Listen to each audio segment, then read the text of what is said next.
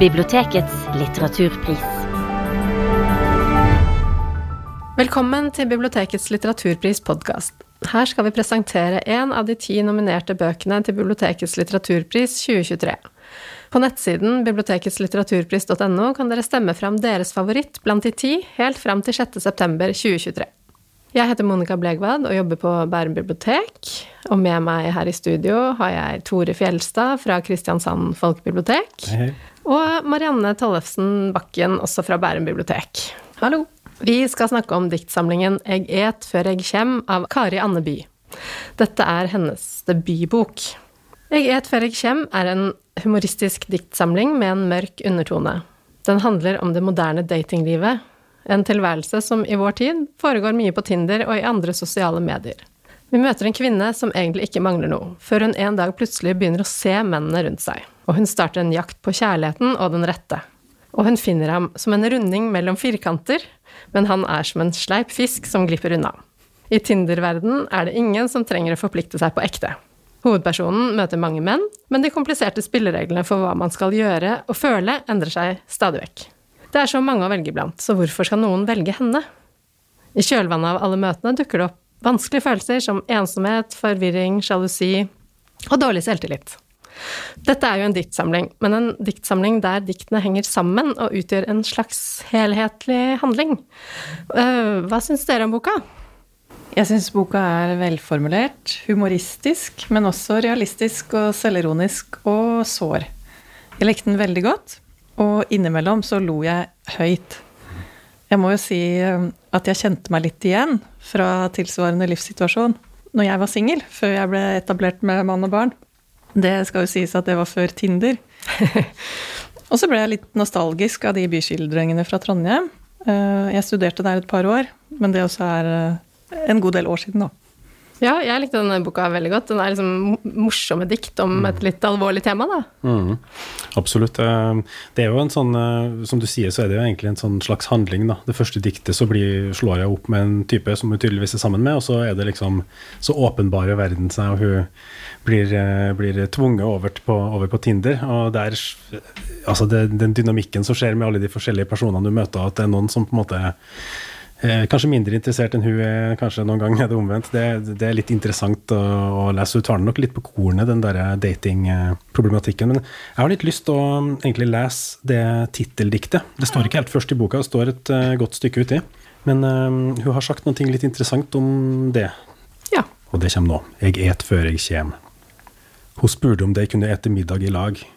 Jeg et før jeg kjem, sa han. Hun sa ingenting, og åt middag alene. Da han kom, ville han ha restene. Og det, og det Hun har jo um, i et intervju, da, um, Kari Andeby har sagt at uh, det, det her diktet handler om distanse. Altså det å spise et måltid sammen med et annet menneske, det er noe man deler. Da blir man en del av et slags fellesskap. Hvis man spiser før man kommer, så tar man avstand fra det fellesskapet og setter seg sjøl litt utafor og vil ikke på en måte inkludere den andre parten. Eh, og du sier at det er en bok om distanse og nærhet. Det handler om samfunnet vi lever i, frykten for å bli avvist, og hvordan vi opptrer i samvær med nye mennesker. Og det er jo egentlig det hun briljerer litt med i en del av de diktene her, det, det å se de situasjonene, den her eh, slags jobbintervjuaktige situasjonen du havner i når du skal Hei, jeg heter sånn og sånn, og ja, ja, hva jobber du med da, og ja, hva er interessene dine? Det er mange kleine situasjoner man settes opp i når man del en, tar del i en sånn datingkultur, tenker jeg. Ja, det er jo liksom det underliggende temaet gjennom hele boka er jo egentlig de ulike forventningene man kan ha om hva et forhold er. Og holdt jeg på å si, Tinder kan jo like fullt være en plattform for å få seg et ligg, som å havne i et ekteskap til slutt, på en måte. Så det er ja, og disse forventningene kan jo være dårlig avstemt, da. Mm, absolutt. Ja, og er ofte det, har jeg inntrykk av. Men vi følger jo den samme hovedpersonen gjennom hele boka. Hvordan vil dere beskrive henne? Altså, hun er jo en høyt utdannet uh, kvinne. Hun sier i boka at hun har blitt 35, så hun er jo midten av 30-åra. Hun er selvstendig, lengtende. Uh, hun er sjenert og til tider litt redd. Men hun er jo også en voksen dame. Og, og hun eh, karakteriserer seg selv som vakker innimellom. Jeg ser jo for meg at hun, hun er attraktiv på markedet. Uh, virker det som, da. Mm. Eh, ja, hun er jo aktiv, men hun er også litt sånn avstandstagende. Eh, Ja, altså det, hun, det er jo det egentlig hun tar litt eh, på kornet også. Jeg har jo lest en forfatter som heter Sissel Gran, som har skrevet det er fagbøker da, skrevet om eh, den derre push-pull-problematikken som ofte kan oppstå.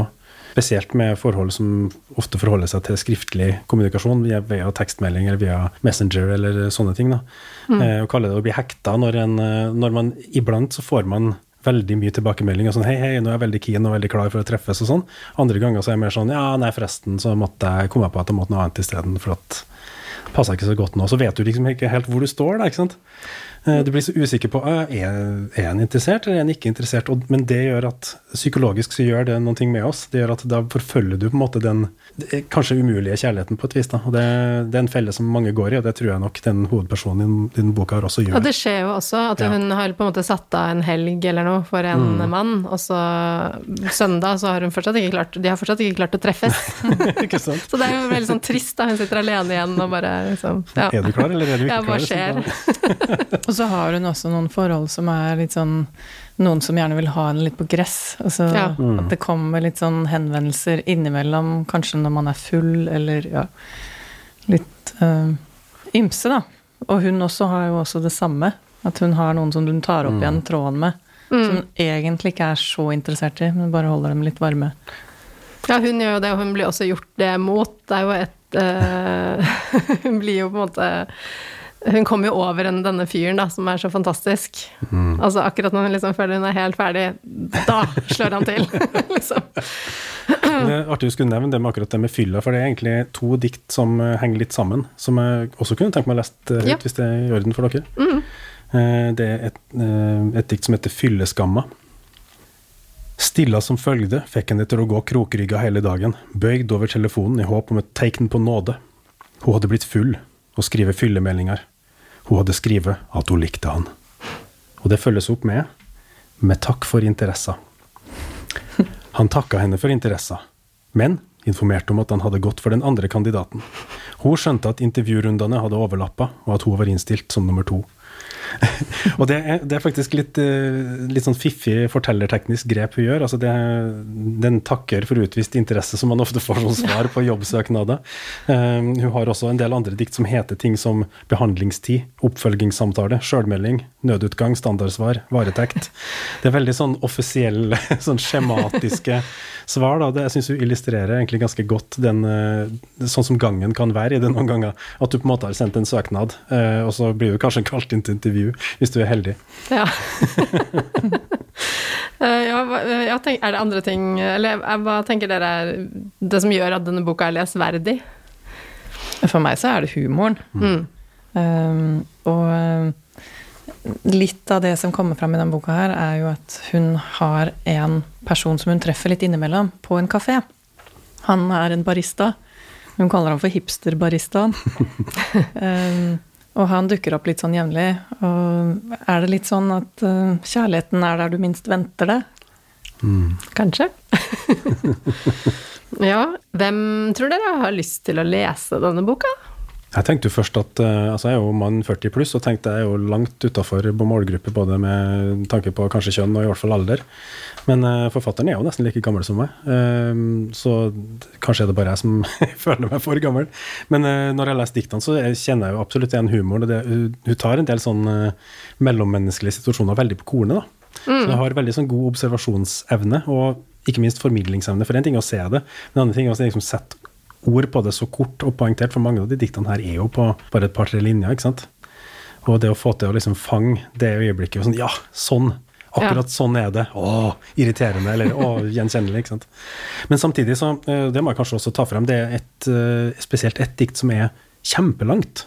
Som fyller en hel side med bare sånn eh, Å, jeg lengter sånn og elsker denne fyren. Det er helt sånn tilbedelsesaktig eh, dikt som heter Orfeus. Og de av oss som kjenner gresk mytologi, vet at Orfeus var en sånn storsjarmør-type som eh, spilte musikk, og alle sammen lå langflat etter.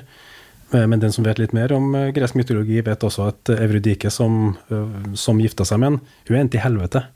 Så, Så, så det, det ligger liksom på en måte og bobler litt under overflata. Det, det, det blir ikke sagt noe om i teksten, men har, det er et eller annet med mm, de referansene hun kommer med, som gjør at du kan lese en del av diktene på nytt og få noe litt annet ut av, eh, ut av dem. Så det ligger litt ekstra bunn i dem, og det, er litt, eh, det syns jeg er litt attraktivt. da. Ja, og så tenker jo jeg at uh, alle som har funnet, eller ønsker å finne kjærligheten, kan lese denne boka. Og Ja, for det er jo det det handler om, det er jo kjærlighetsjakta. Ikke sant? Ikke sant? Ja, jeg er enig i det.